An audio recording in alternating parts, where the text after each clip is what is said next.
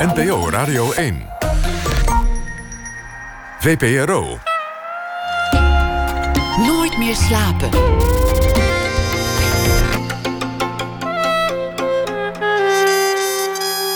Met Pieter van der Wielen. Goedenacht. Vannacht in Nooit meer slapen gaat het over uh, drugs, over criminaliteit en over de vraag of de overheid wel altijd zo keurig is. Een afgestudeerde dokter, een schijnbaar keurige jongen, duikt in de fabricage van synthetische drugs. Hij krijgt een bijnaam, Dr. Ecstasy, en staat aan de wieg van de Nederlandse ecstasy-fabricage.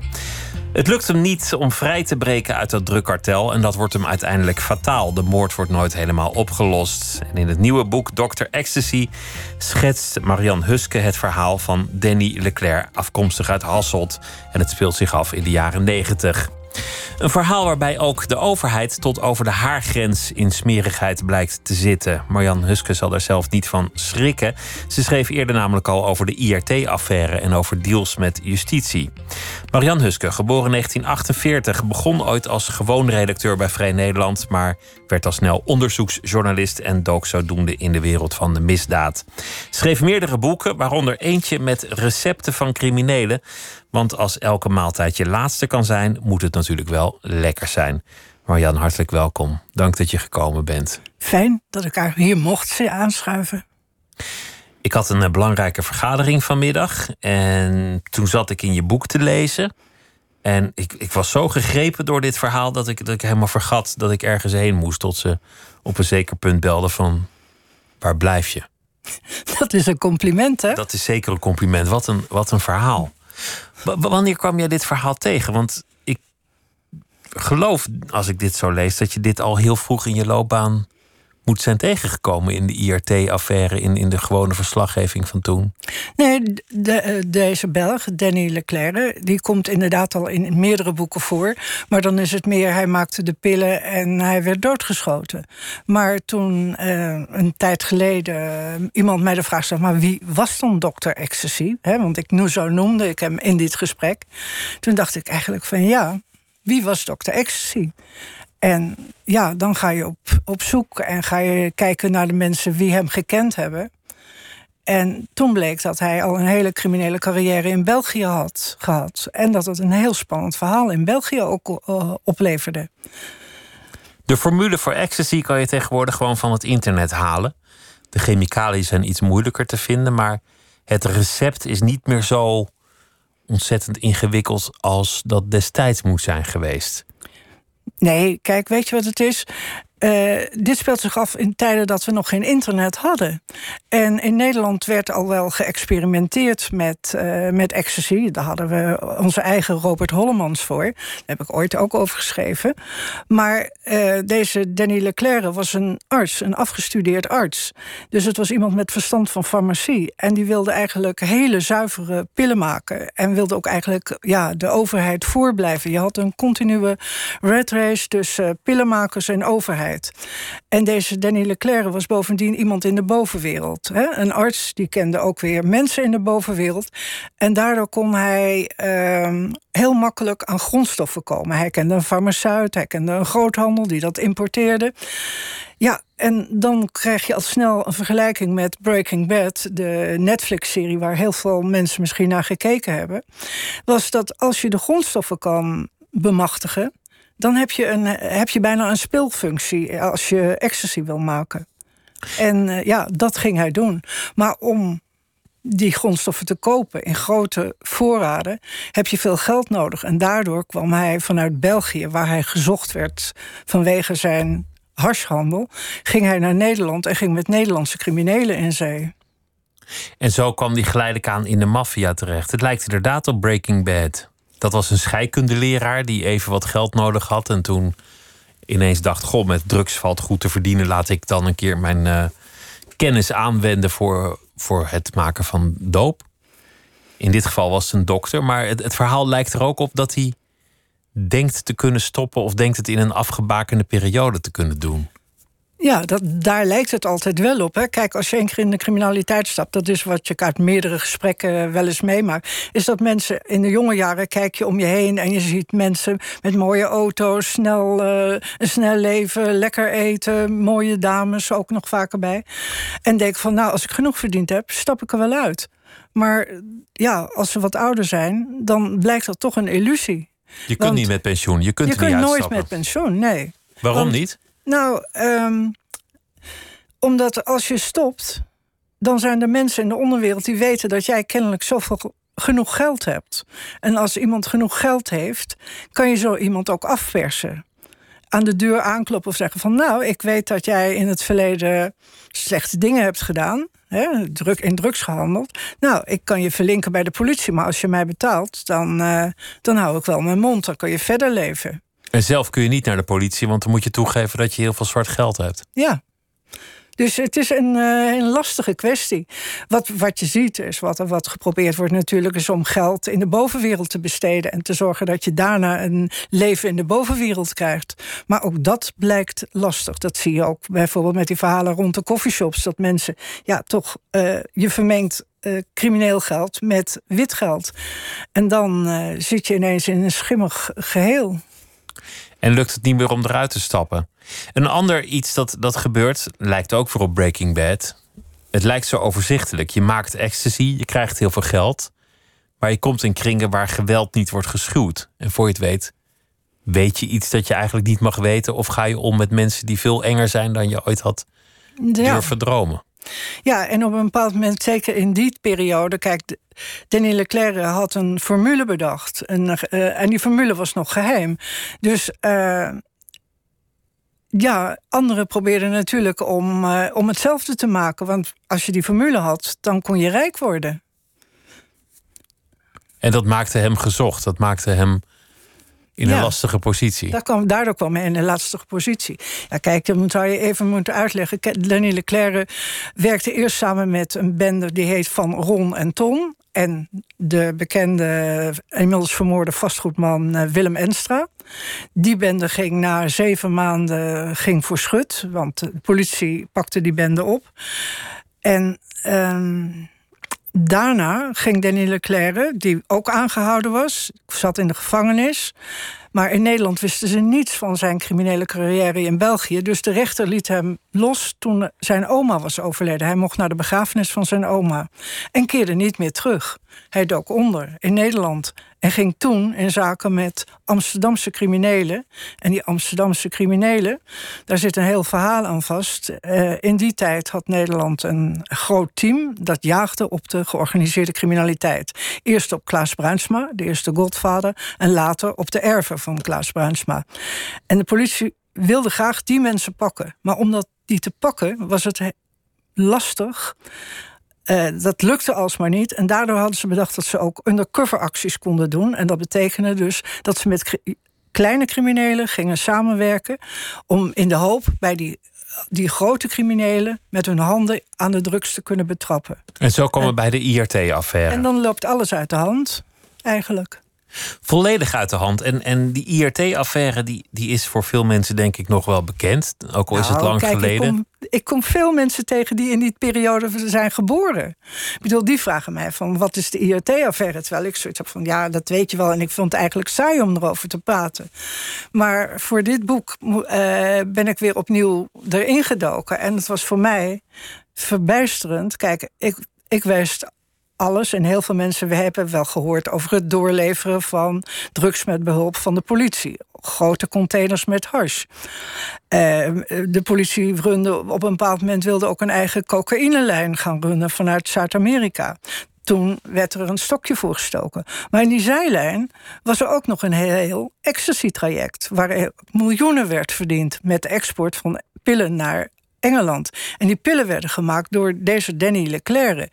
Dat drong eigenlijk pas bij het maken van het boek goed tot mij door. Dat het niet alleen ging over hash en eventueel coke, wat het plan was, maar dat ecstasy. Maar Wat je eigenlijk kunt stellen is dat onder toeziend oog van justitie ecstasy op de markt is beland In Engeland. in Nederland en Engeland. Ja, en in, in waanzinnige aantallen. En dat mensen stinkend rijk zijn geworden met drugshandel onder toeziend oog van de politie. Ja. Misschien zelfs met hulp van de politie hier en daar. Absoluut, want ik bedoel, de politie stond erbij als die drugs, eh, als die pillen geladen werden in de vrachtwagen die geprepareerd was en waar op de avond voordat er het gereden uh, werd nagekeken, bijvoorbeeld bij de geheime werkplaats van de inlichtingendienst van de politie of de technische dienst van de politie. Het was echt. Ja, en dan moet je bedenken, het was een geheim team binnen de politie die ook al een geheim team had. Dus het was echt heel erg afgedekt, dat wel. Maar de politie hielp dus duidelijk wel. Het, het probleem met een undercover actie is dat als je ingrijpt, dan geef je je, je masker op en dan, dan is de actie daarmee ook tot zijn einde gekomen. Ja. Met, met schaduwen of afluisteren wil je dat zo lang mogelijk voor je uitschuiven. Dat bleef ze ook maar doen, waardoor ze op een zeker ogenblik gewoon toekeken hoe mensen werden vermoord. Ja. Als ze wisten wie het deden of soms zelfs dat het ging gebeuren. Ja, dat is het extreme wat je dus. Eh, eh, waar ik tegenaan liep met dit boek. Ik beschrijft dus ook de dag dat Danny Leclerc werd vermoord. Hij was de zevende liquidatie in elf weken in Amsterdam. Het lijkt bijna uh, de afgelopen tijd weer. En in Amsterdam, die tijd had, de, had elke stad nog zijn eigen korps. Dus er was een Amsterdams korps. En er was dat grote geheime team wat achter de georganiseerde misdaad aan zat. Dus wat doet het Amsterdamse korps? Je komt erachter dat deze man misschien wel verdachte was in bij, die, bij dat geheime team, dat IRT. Dus kloppen aan van, kunnen we informatie krijgen? Nou, nee, ze werden weggestuurd. En ja, wat ik later in onderzoeksrapporten en geheime stukken tegenkwam, was dat ze bij het IRT donders goed wisten dat deze lieden allemaal betrokken waren bij de moorden die waren gepleegd in die tijd. maar ja, zij wilden zelf scoren. Ze wilden hun undercoveractie niet kapot maken. Dat, dat scoren hebben ze uiteindelijk niet gedaan. Nooit. Omdat ze, dat ze zo diep undercover zaten dat ze ook heel veel in de rechtszaak niet meer konden gebruiken. En, en daar, en dat, dat vond ik in dit boek ook interessant, gebeurt nog iets. Het lukt justitie eigenlijk niet meer om al het bewijs te overhandigen in de rechtszaal, omdat ze dan ook hun eigen masker moeten afwerpen. Dus ze zijn chantabel geworden. Criminelen kunnen justitie chanteren van nou, als jij iets over mij zegt, dan zeg ik iets over jou. Ja. En dat willen ze niet. Dus ja, dan dat, zeg dat is het nadeel van undercover gaan met criminelen. Daar, bedoel, daar, je wordt er zelf crimineel van uiteindelijk. Ja, je doet zaken met criminelen. Je gaat waarschijnlijk net zo denken als zij. Het, is, het is achteraf ontluisterend. Het was toen al ontluisterend, maar achteraf is het helemaal ontluisterend om te lezen. Maar het nadeel van, van al deze undercover acties is dat we waarschijnlijk nooit zullen weten wie bijvoorbeeld deze Danny Leclerc heeft vermoord. Nee, maar er zijn natuurlijk wel aanwijzingen. Ik bedoel, ik, eh, je merkt dat een groep, bepaalde groep uh, criminelen corrupte contacten heeft bij de politie. En bij die corrupte contacten probeert uit te zoeken hoe ver ze zijn met een moordonderzoek. Um, er, Danny Leclerc uh, wilde eruit stappen omdat een ander iemand was vermoord. Daar was hij het niet mee eens dat er een moord was gepleegd. Dus die groep was ook bang dat Danny Leclerc misschien wel met de politie zou gaan praten. En er was nog een reden Denis Leclerc wilde er inderdaad uitstappen en wilde eigenlijk het geld wat belegd was, uh, zou hij ook terug hebben willen vragen. Om naar zijn droom een duikersresort in Indonesië te gaan.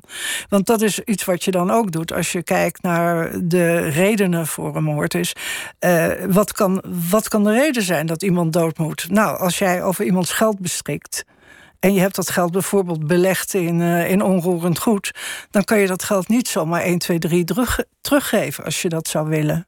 En dat geldt van Danny Leclerc voor een klein deel zat dat bijvoorbeeld, merkte ik later, ook bij de erfenis van Enstra. Althans, daar zat een BV ook van in... waar mogelijk geld van Leclerc in zou hebben kunnen zitten. Enstra, die eh, uiteindelijk postuum is gebleken... de bankier te zijn van zo'n beetje de hele onderwereld. Ja, dat is natuurlijk ook het, ook, ook het fatale geweest. Op het moment dat er dat er geld teruggevraagd wordt bij de bankier van de onderwereld, dan ontstaan de fricties. En mogelijkerwijs is Leclerc een van de eerste geweest die zijn geld, terug, zijn geld wilde hebben.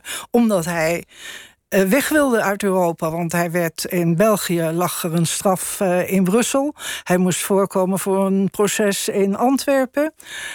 in Nederland liep er nog een proces met de mensen met wie hij in eerste instantie ecstasy had gemaakt. Dat moest nog in hoger beroep voorkomen. Dus die man had alle redenen om weg te zijn. Maar ja, je kan niet weg. Je hebt wat iedereen heeft, ja, dan nog één grote slag wilde slaan. De laatste periode van zijn leven had hij ook altijd twee lijfwachten aan zijn zijde. En ja, het was hem ook opgedragen om niet alleen de deur uit te gaan. Maar ja, het, hij, eh, zoals een van de mensen die hem, Mink, Kok, die hem meegemaakt heeft op de dagen voordat hij werd vermoord. Die zei van ja, hij sprak zomaar met vreemde mensen. En ik heb uitgelegd dat hij niet alleen de straat moest gaan. Want hij bracht hij niet alleen zichzelf in gevaar, want hij werd, was voortvluchtig, werd gezocht. Maar hij bracht ook de hele bende en het hele proces in, elkaar, eh, in gevaar. En toch is hij op die hemelvaartsdag, ochtends, toen geen van zijn bewakers of beveiligers uh, langskwam, is toch alleen op straat weggegaan. En dat is ook de dag dat hij is vermoord. In een Fiat Chroma. En dan zul je denken, welke crimineel rijdt nou in een Fiat Chroma? Ja. Want hij was een liefhebber van, van snelle grote wagens, liefst Mercedes'en. Hij, hij kwam graag op plek. Het was een man die graag liet zien dat hij, dat hij het goed had. Ja. Maar dat was waarschijnlijk een, een dekmantel. Hij dacht, in deze auto ben ik niet verdacht. Eh, dat is wat uh, de mensen die hem beschermden. De bende van uh, Ming Kok, Jan Vemer en Stanley Hillis. Die hadden ter, drie auto's voor hem ter beschikking. Twee snelle Golfs, een blauwe en, en een paarse, geloof ik. Even uit mijn hoofd, ik staat me niet helemaal meer. En, en dan deze blauwe Fiat. Maar die twee andere snelle auto's waren die ochtend dat hij alleen wegging... waren niet te zien in de buurt waar, waar hij vertrok.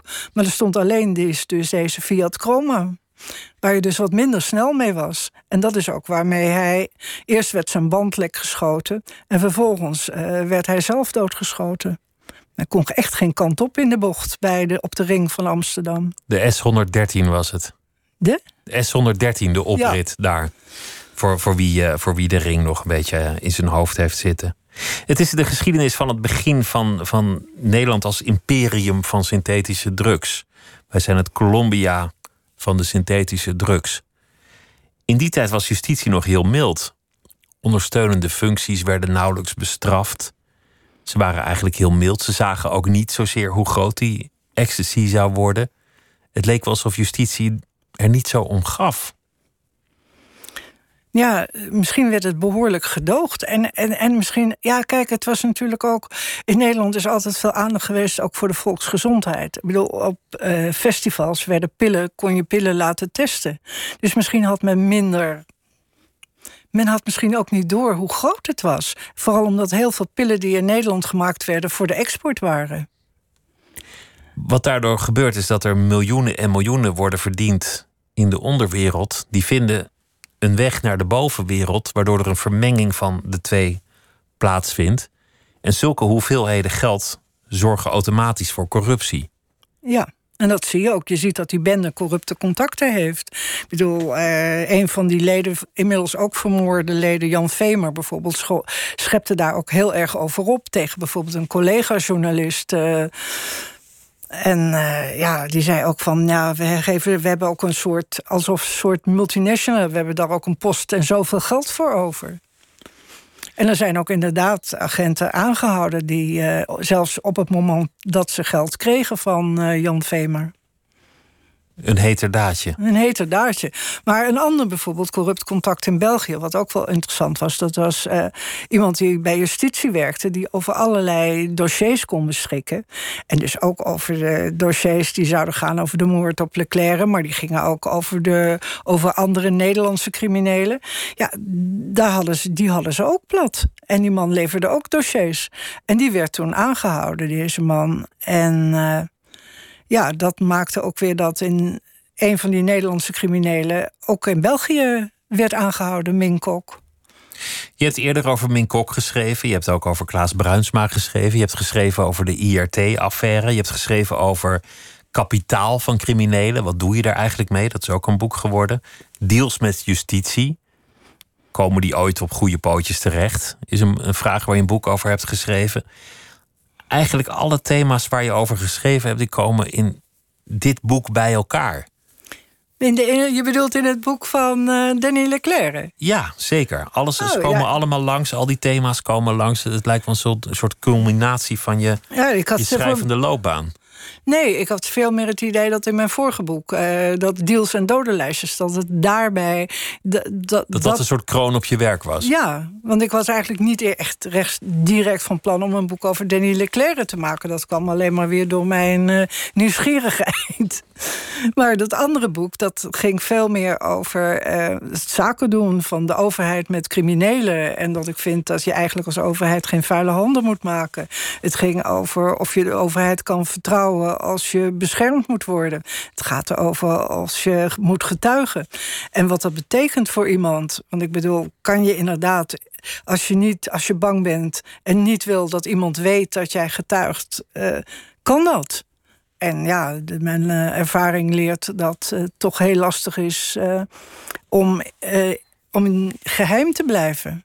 Dat, dat lijkt de enige uitweg. Want je zei, je kunt niet met pensioen, want ze weten dat je geld hebt, dus ze komen je afpersen. Ja. Je kunt ook niet met pensioen, want ze hebben je nog nodig. Je kunt ook niet met pensioen, want je weet dingen waarvan ze liever niet weten, willen dat anderen ze weet.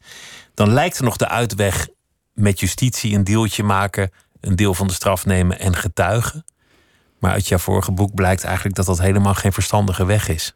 Nou ja, kijk, eh, het is niet een bewuste keuze, denk ik. Iemand die kroongetuige wordt, zit aan alle kanten klem. Hij zit klem omdat, hij, eh, omdat de mensen met wie hij werkt, dat hij daar ruzie mee heeft. Of omdat die mensen kwaad op hem zijn, omdat hij iets niet goed gedaan heeft. En ja, hij kan hij kan echt, hij moet kiezen of ik word doodgeschoten door mijn oude kameraden, of ik ga naar, ga naar de politie. De rug tegen de muur. Je ja, moet wel. Je zit met de rug tegen de muur.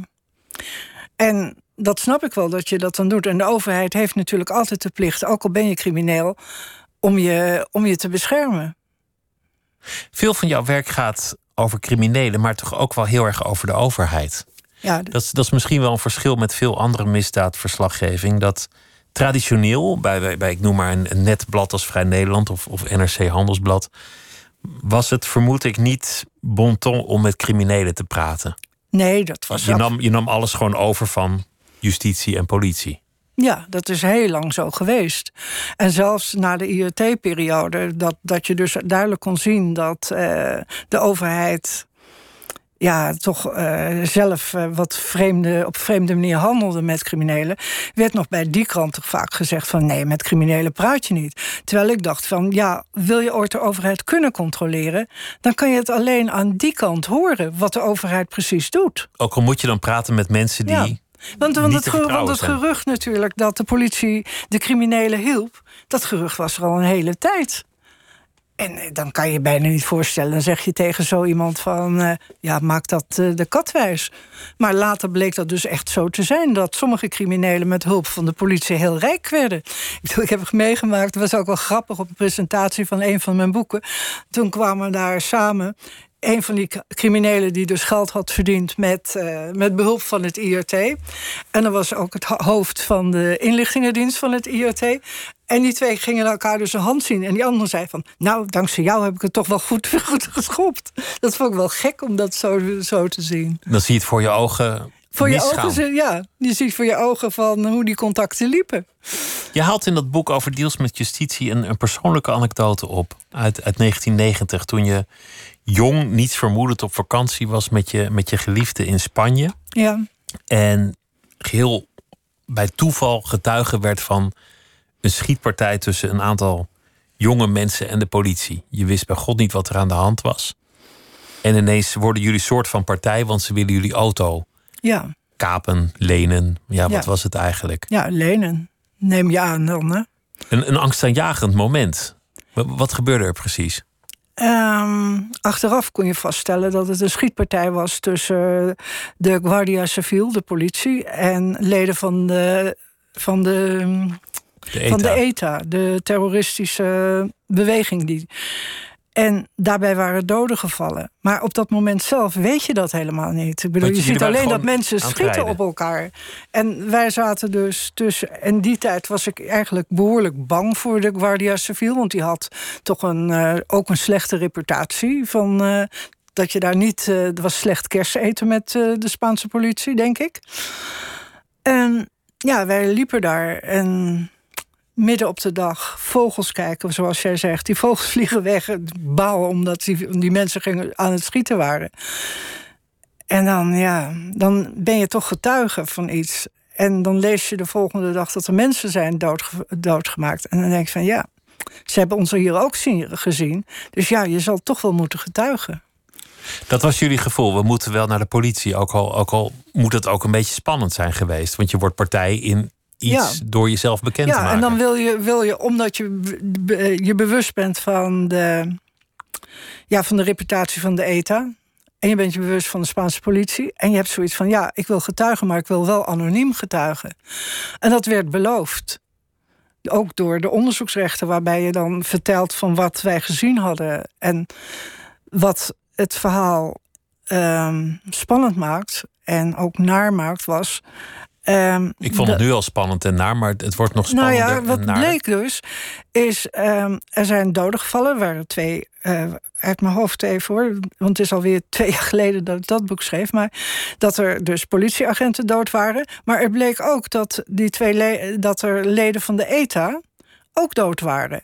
En het gekke was, wij waren in die En we hadden dus de schietpartij gezien van die mensen met de ETA, met de politie.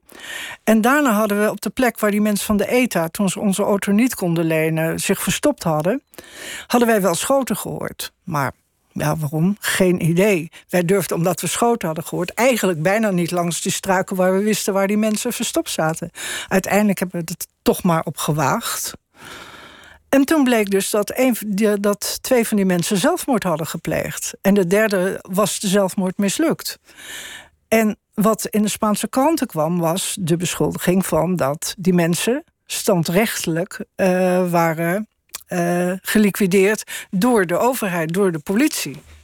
Dat was het verhaal wat, wat volgens de E- ETA-sympathisanten naar buiten werd gebracht. Terwijl toen wij daar weggingen, waren de politieagenten die waren al dood, die waren al weg uit de kloof. En die andere mensen zaten in die struiken waar wij die het geluid hadden gehoord. Dus jullie getuigenis was, was, was fundamenteel. was fundamenteel. Om, om- want ja, de Spaanse overheid lag vervolgens onder vuur van alle ETA-sympathisanten en ook de partij die in het parlement zat. Dus die beschuldigden de overheid van eh, standrechtelijke eh, liquidatie van hun sympathisanten. En dan zie je wat er met, met je getuigenis gebeurt. De bedoeling was anoniem. Maar de minister van Binnenlandse Zaken lag onder vuur. Die minister komt dan met, in een parlement met, een getuige, met jouw anonieme getuigenis. En in no time komt dan, lekt dan toch je naam uit. Met als gevolg dat iedereen weet waar je woont, wie je bent. Dus de ETA had reden om boos op jou te zijn en wist je naam en wist waar je woont. Dat, dat stond, lijkt me geen. stond groot, eh, groot in, in ETA-kranten die eh, sympathiseerden met de ETA, ja. Dat lijkt me geen prettig gevoel, om het zacht te zeggen. Eh, nee. Heb je, heb je toen maatregelen genomen om jezelf in veiligheid te stellen? Nou ja, het punt was dat je, dat zag je ook weer van. Het is natuurlijk, in, in die jaren was het natuurlijk totaal anders met de bescherming van getuigen.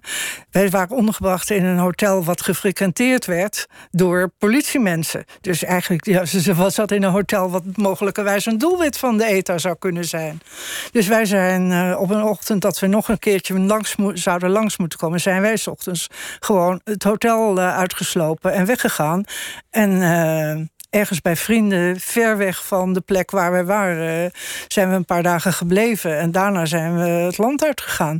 En ja, het punt is, je, je auto's heb, heeft daar gestaan. Ze, jouw kenteken weten ze. Dus ja, ja het was inderdaad misschien best, eh, best angstig. Maar de arm van de ETA reikte toch ook wel tot in Amsterdam. Ze hadden hier ook nog wel te grazen kunnen nemen. Ja, dat wa- Als ja. ze het belangrijk hadden gevonden. Nou ja, dat, dat gebeurde vervolgens. Toen, wij, toen ik terug was en weer aan het werk was bij Vrij Nederland. Want ook dat feit stond in de Spaanse kranten dat ik werkte bij Vrij Nederland in Amsterdam.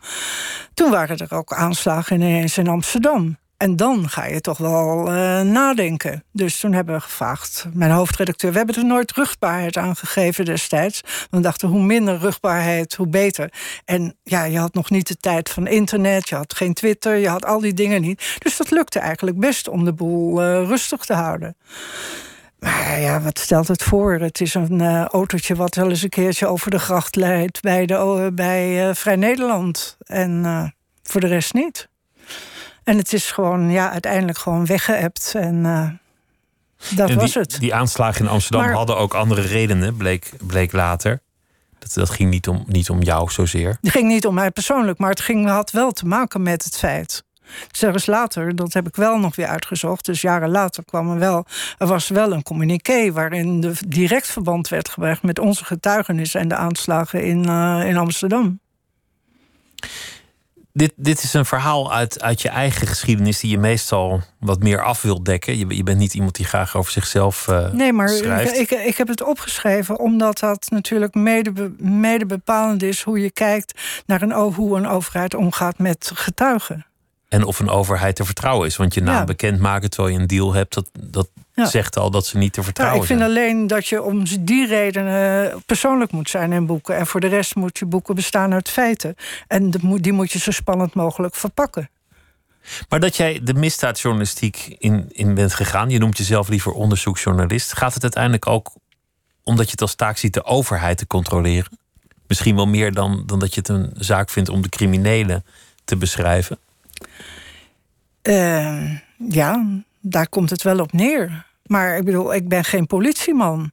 Maar ik vind wel dat, kijk, um, een rechter gelooft een officier van justitie en een politieman omdat zij vanwege hun ambt, die hebben een eet afgelegd. En als jij zeker in de jaren negentig uh, zaken tegenkomt waarin blijkt dat, uh, dat er keurig politiemensen dingen lopen te beweren waarvan je achteraf weet dat het gewoon totaal anders zit, ja, dan vind ik gewoon dat je de taak hebt om dat op te schrijven. Op een bepaald moment, het was, het was een raar verhaal over, over sekstapes. Die, waar de justitie zou op zijn naar sekstapes waarop officieren van justitie zouden staan. Raar verhaal. En ik probeerde dat uit te zoeken. En toen was uh, via de hoofdredacteur kwam ik bij een uh, officier, hoofdofficier. En die zei: Nou, je bent de onzinverhalen aan het uitzoeken. wij hebben helemaal nooit geld verboden aan mensen in het milieu om die sekstapes te achterhalen. En Drie jaar later zit ik dus bij in een rechtszaak. En ja, dan geeft het hoofd van de inlichtingendienst gewoon toe dat er 25.000 gulden in die tijd uh, geboden was voor, die, uh, voor zo'n sekstape. En dan de officier die daar toen zat, um, zei van. Uh, ja, nou ja, achteraf van dan gaat de zaak me goed, gaat de zaak me stuk, want ik heb een hoger belang. En dat hoge belang was destijds uh, het onderzoek naar Cor van Hout en uh, Willem Holleder. Ja. Je, je, hebt veel geschreven over, uh, over, over het wereldje. En dan heb je bijvoorbeeld een boek geschreven over eten en de maffia. Wat, wat een fantastisch boek is van de, van de Italiaanse maffia in, in New York. Tot aan de broodjes van Willem Holleder aan toe.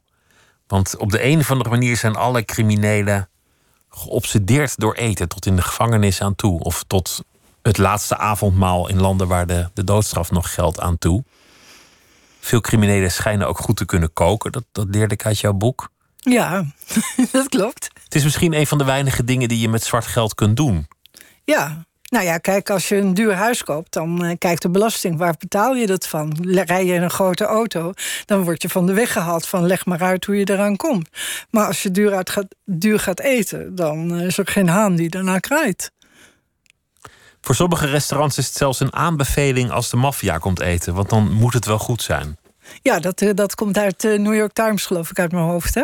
Ja. Dat is inderdaad een vaststelling. En ik bedoel, kijk naar al die films die je hebt. Uh, ik bedoel, dat was ook het fascinerende weer van, van, dat boek schrijven... is dat je dan in de Nederlandse rechtszaak ho hoor je van alles over eten... tijdens uh, waar al hun zakenbesprekingen plaatsvinden. Maar is ook wel logisch, want dit soort mensen hebben geen kantoor. Dus ja, laat je het nuttige met het aangename verenigen. Dus... Ja. Het is ook een manier om te laten zien dat het goed met je gaat, dat je er nog bent, dat je de baas bent in de stad. Ja. Ja, het is inderdaad zo. Je kan soms zitten. Dat is, dat is ook best lastig als uh, journalist. Bijvoorbeeld als je bij een proces zit en uh, tussen de middag wordt er gegeten. En op een bepaald moment zit als pers zit je vaak bij het publiek. En bij het publiek zitten vaak uh, familie van verdachten. Dus je komt in contact zowel met familie als de verdachte. En dan tussenmidden wordt er gegeten. Dus dan wordt, ga je mee een broodje eten. Nou ja, meestal probeer ik dan uh, zelf te betalen. Maar het lukt je ook wel eens niet om te betalen. En ik heb inmiddels geleerd van, uh, dat je dan in zulke gevallen, zeker als er duur gegeten wordt, dat je dan, als je het niet kan betalen, gewoon je het bedrag van wat jij gegeten hebt, leg je gewoon op tafel als fooi. Om maar te laten zien dat je onafhankelijk bent. Zo dus doe je dat, want je, je gaat mee eten, je komt ook op die plekken, maar laat je niet verteren. Dat, dat is nee, belangrijk. absoluut niet. Maar ik ga ook niet gewoon eten met criminelen. Maar als het in een werksituatie zo uitkomt, zo bijvoorbeeld in een pauze van een rechtszaak, ja, dan is het moeilijk om je daaraan te onttrekken. Dat vind ik ook nergens op staan. Dat hoeft ook niet. Peter R. de Vries was hier te gast en die vertelde dat hij in dezelfde pauze van waarschijnlijk dezelfde rechtszaak altijd krentenbollen bij zich heeft. Ja, dat, dat is de bunker. Dat is de, dat is de... Oh, daar kan je nergens in de omtrek goed eten. nee, en, en op eh, de zwaar bewaakte gevangenis op Schiphol is nog erger. Daar is ook helemaal niets in de verre omtrek. Daar kan je zelfs op weg naartoe niet even langs de bakker stoppen. Wat je wel als je naar de bunker gaat wel. Ik heb ook krentenbollen bij me. Maar bijvoorbeeld als je... Ik zat bij, het proces van uh, de Hells Angels... die destijds terecht stonden voor... Geloof dat was, waren allemaal... Ik weet niet of het nou de moordzaken waren of, de, of andere... maar in ieder geval dan zit je in een café en ik zit aan een tafel. En dan is er ook maar ja, de andere tafels zijn bezet. Dus waar alle verdachten komen dan bij jou aan tafel zitten. En dan wordt er brood besteld. En dan wil men meteen ook voor jou bestellen. Ja, dan eet ik zo op zo'n middag alleen maar uh, koffie. Want dan kan ik geen broodjes aanpakken. Dat wil ik dan niet. Goodfellas, dat is, dat is één zo'n maffiafilm waar, uh, waarin gegeten wordt. En dat, dat gaat dan over uh, pasta en Italiaans eten, als ik het me goed herinner. En uh, er is ook een, een, een, liedje dat erbij hoort van Tony Bennett. En dat heet Rags to Riches.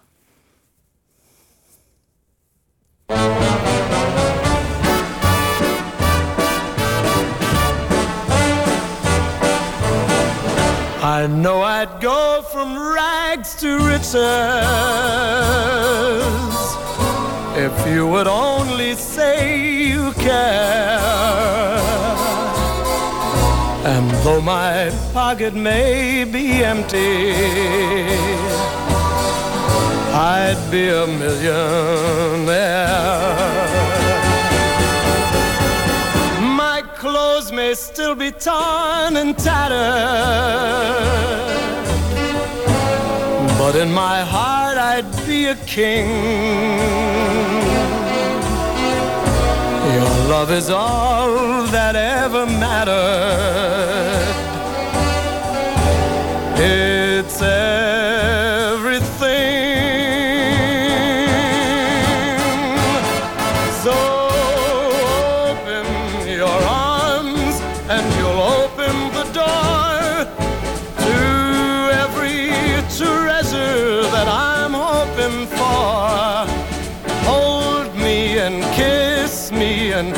Tell me you're mine evermore. Must I forever be a beggar whose golden dreams will not come true? Or will I go from rags to riches? My fate is up to you.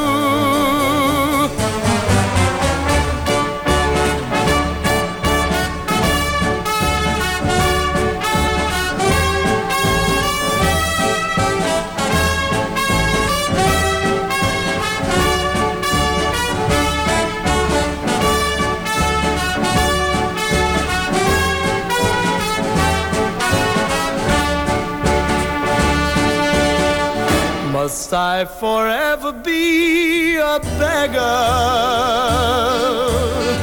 whose golden dreams will not come true? Or will I go from rags to riches? My fate is on.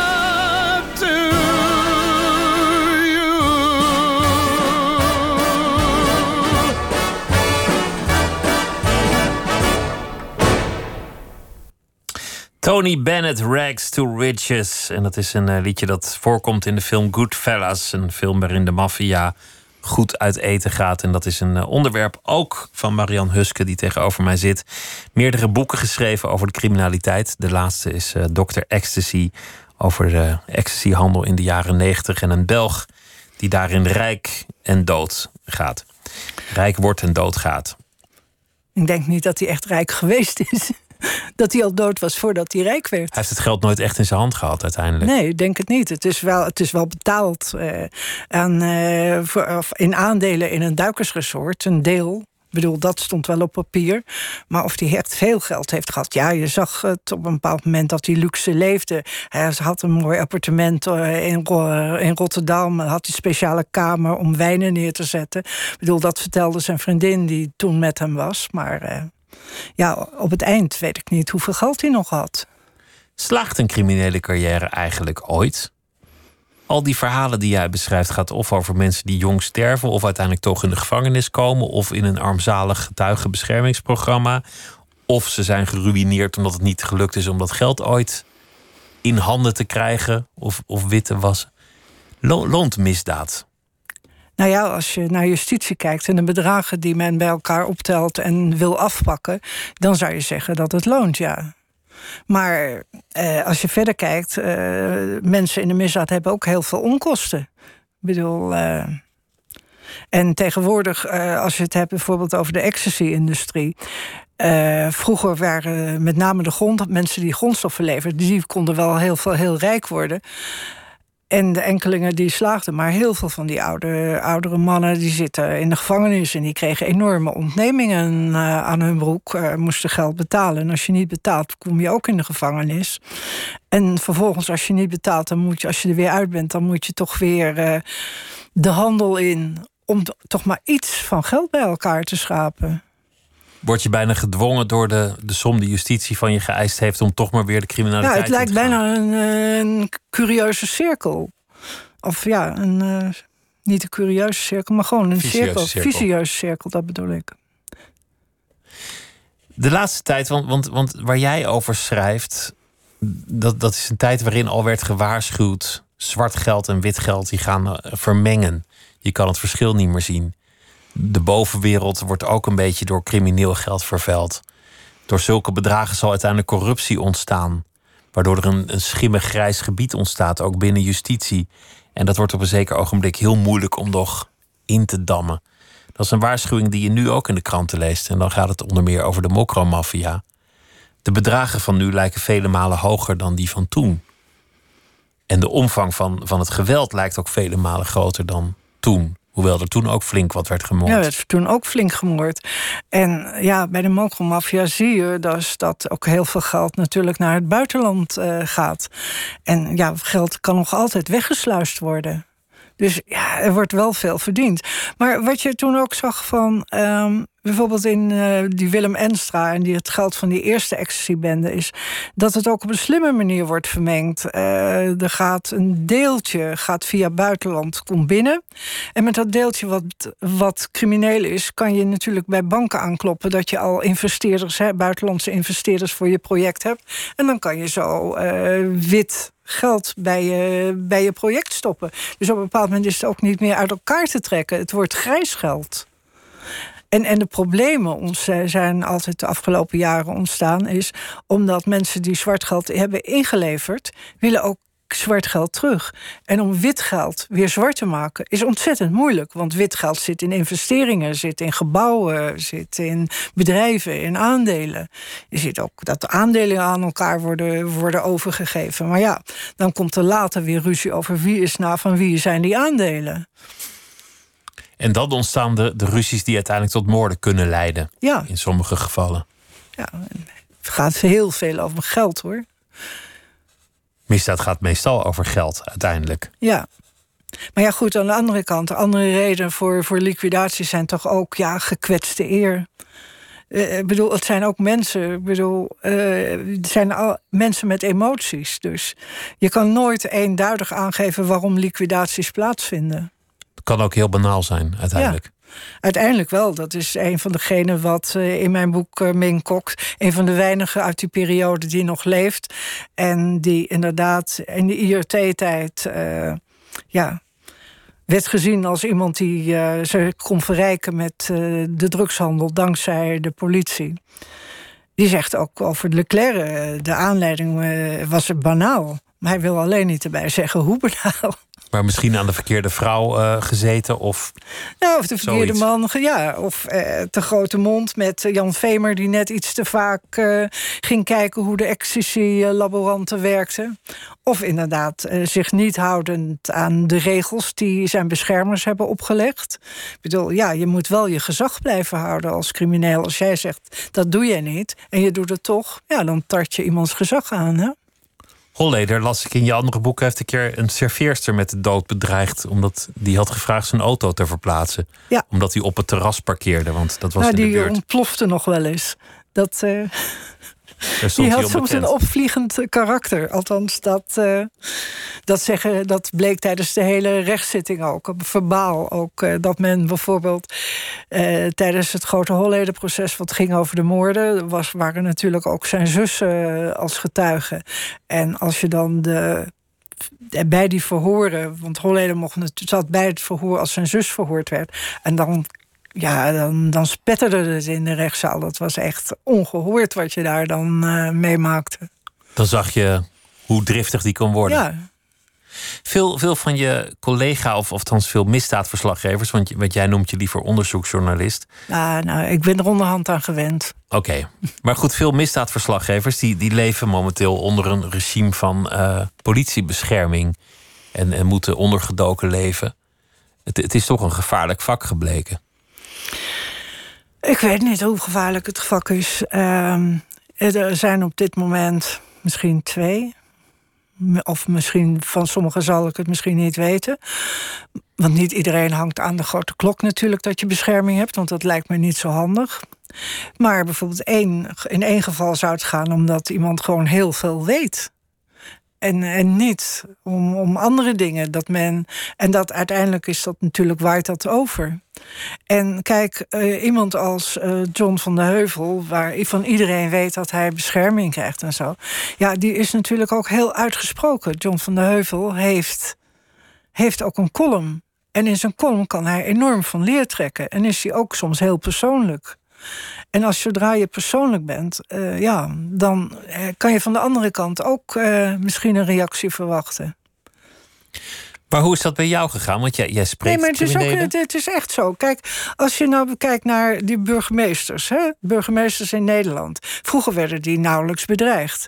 Op het moment dat de burgemeesters betrokken werden bij de handhaving, dus het aanpakken van uh, criminelen en crimineel geld, dan gebeurde dat in naam van de burgemeesters. Het was ineens het gezag had een naam gekregen. Het was persoonlijk geworden. Het was de burgemeester die jouw zaak sloot. En vroeger was het de stad of de gemeentebestuur wat je staak uh, sloot. Zodra het persoonlijk wordt, uh, loop je veel meer risico. Je zag uh, in het verleden waren officieren van justitie en rechters waren togadragers, hadden geen naam.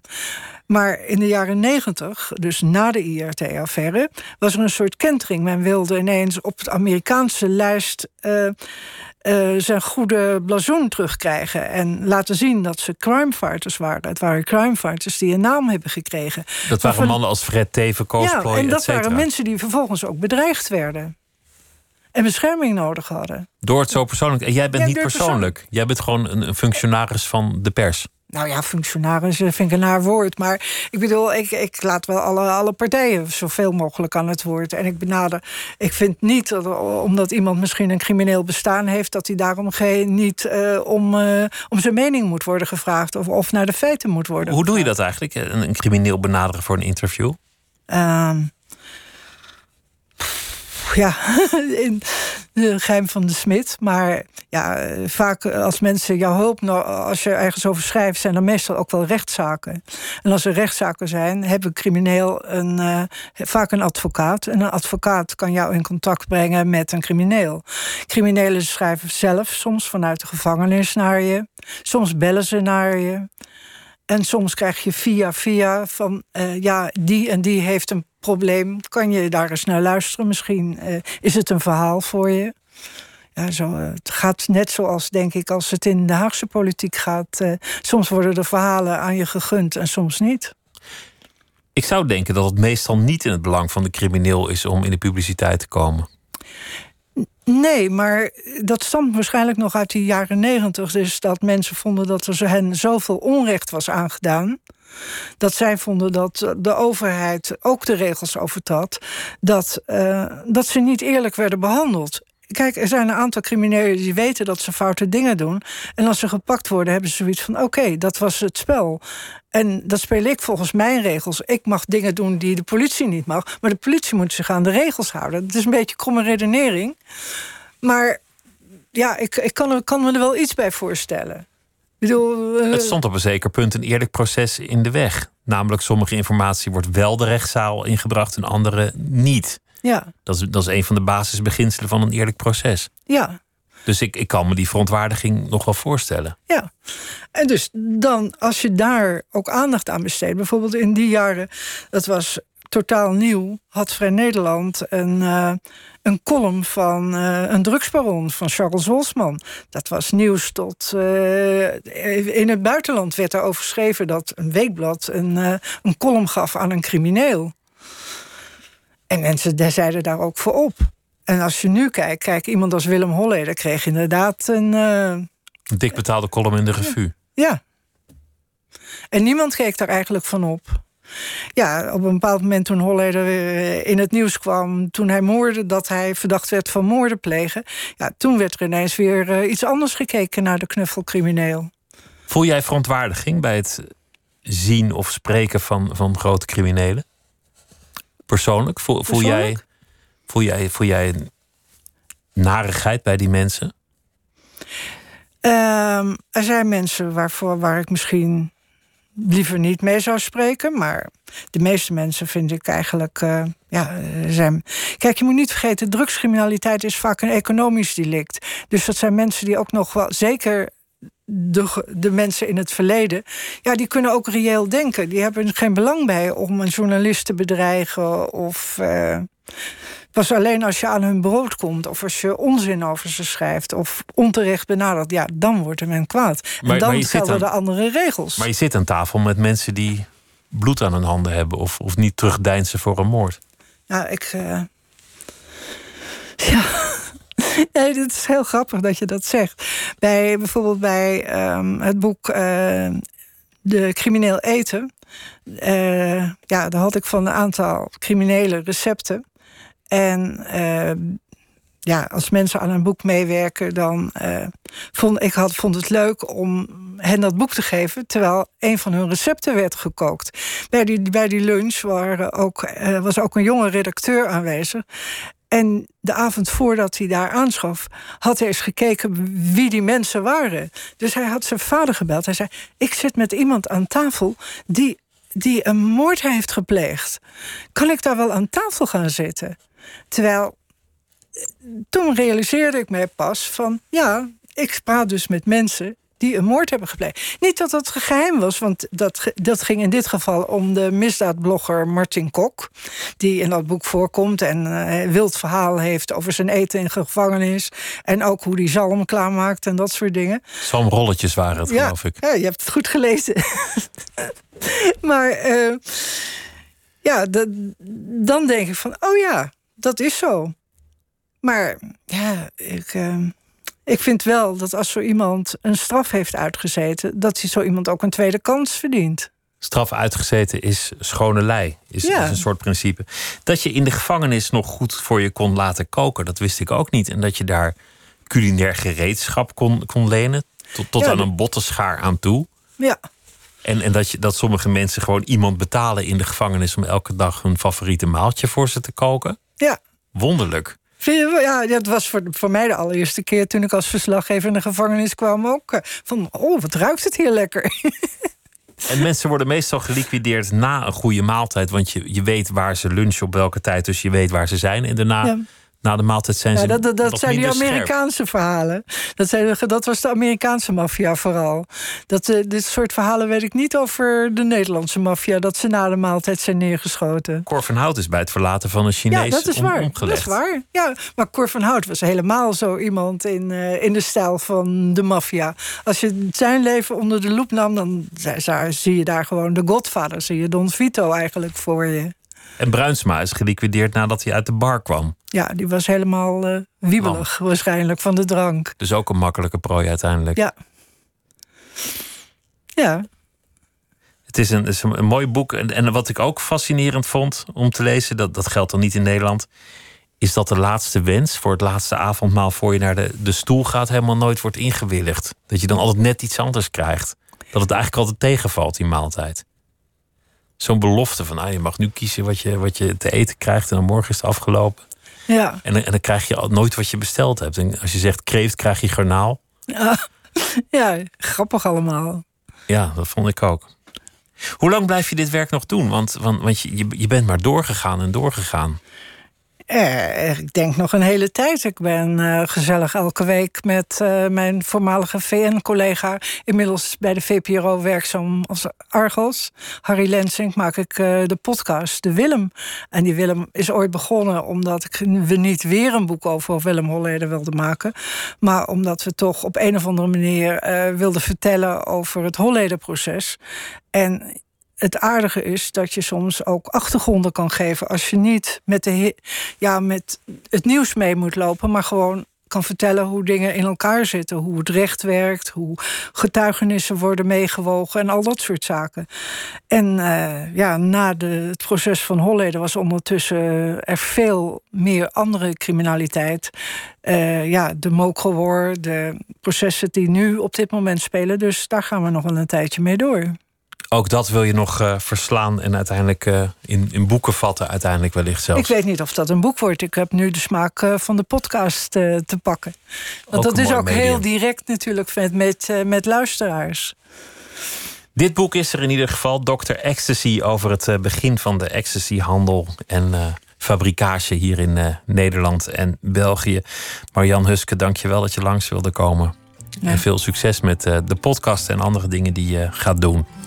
En zo meteen op eh, NPO Radio 1 dan eh, is Miss Podcast hier. En daarin eh, ontvangt Misha Blok niemand minder dan de radiomaker van de eeuw, Frits Spits. Dus dat belooft ook een mooi uur te worden. En Nooit meer slapen is er morgen weer.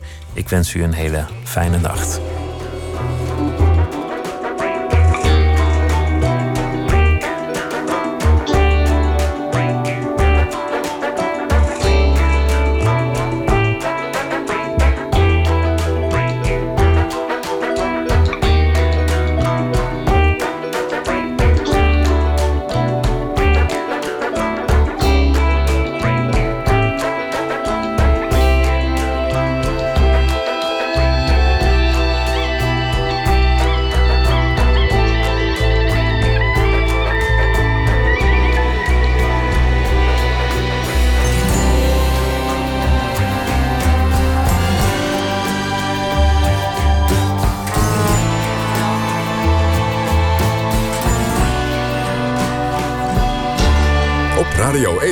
Het nieuws van alle kanten.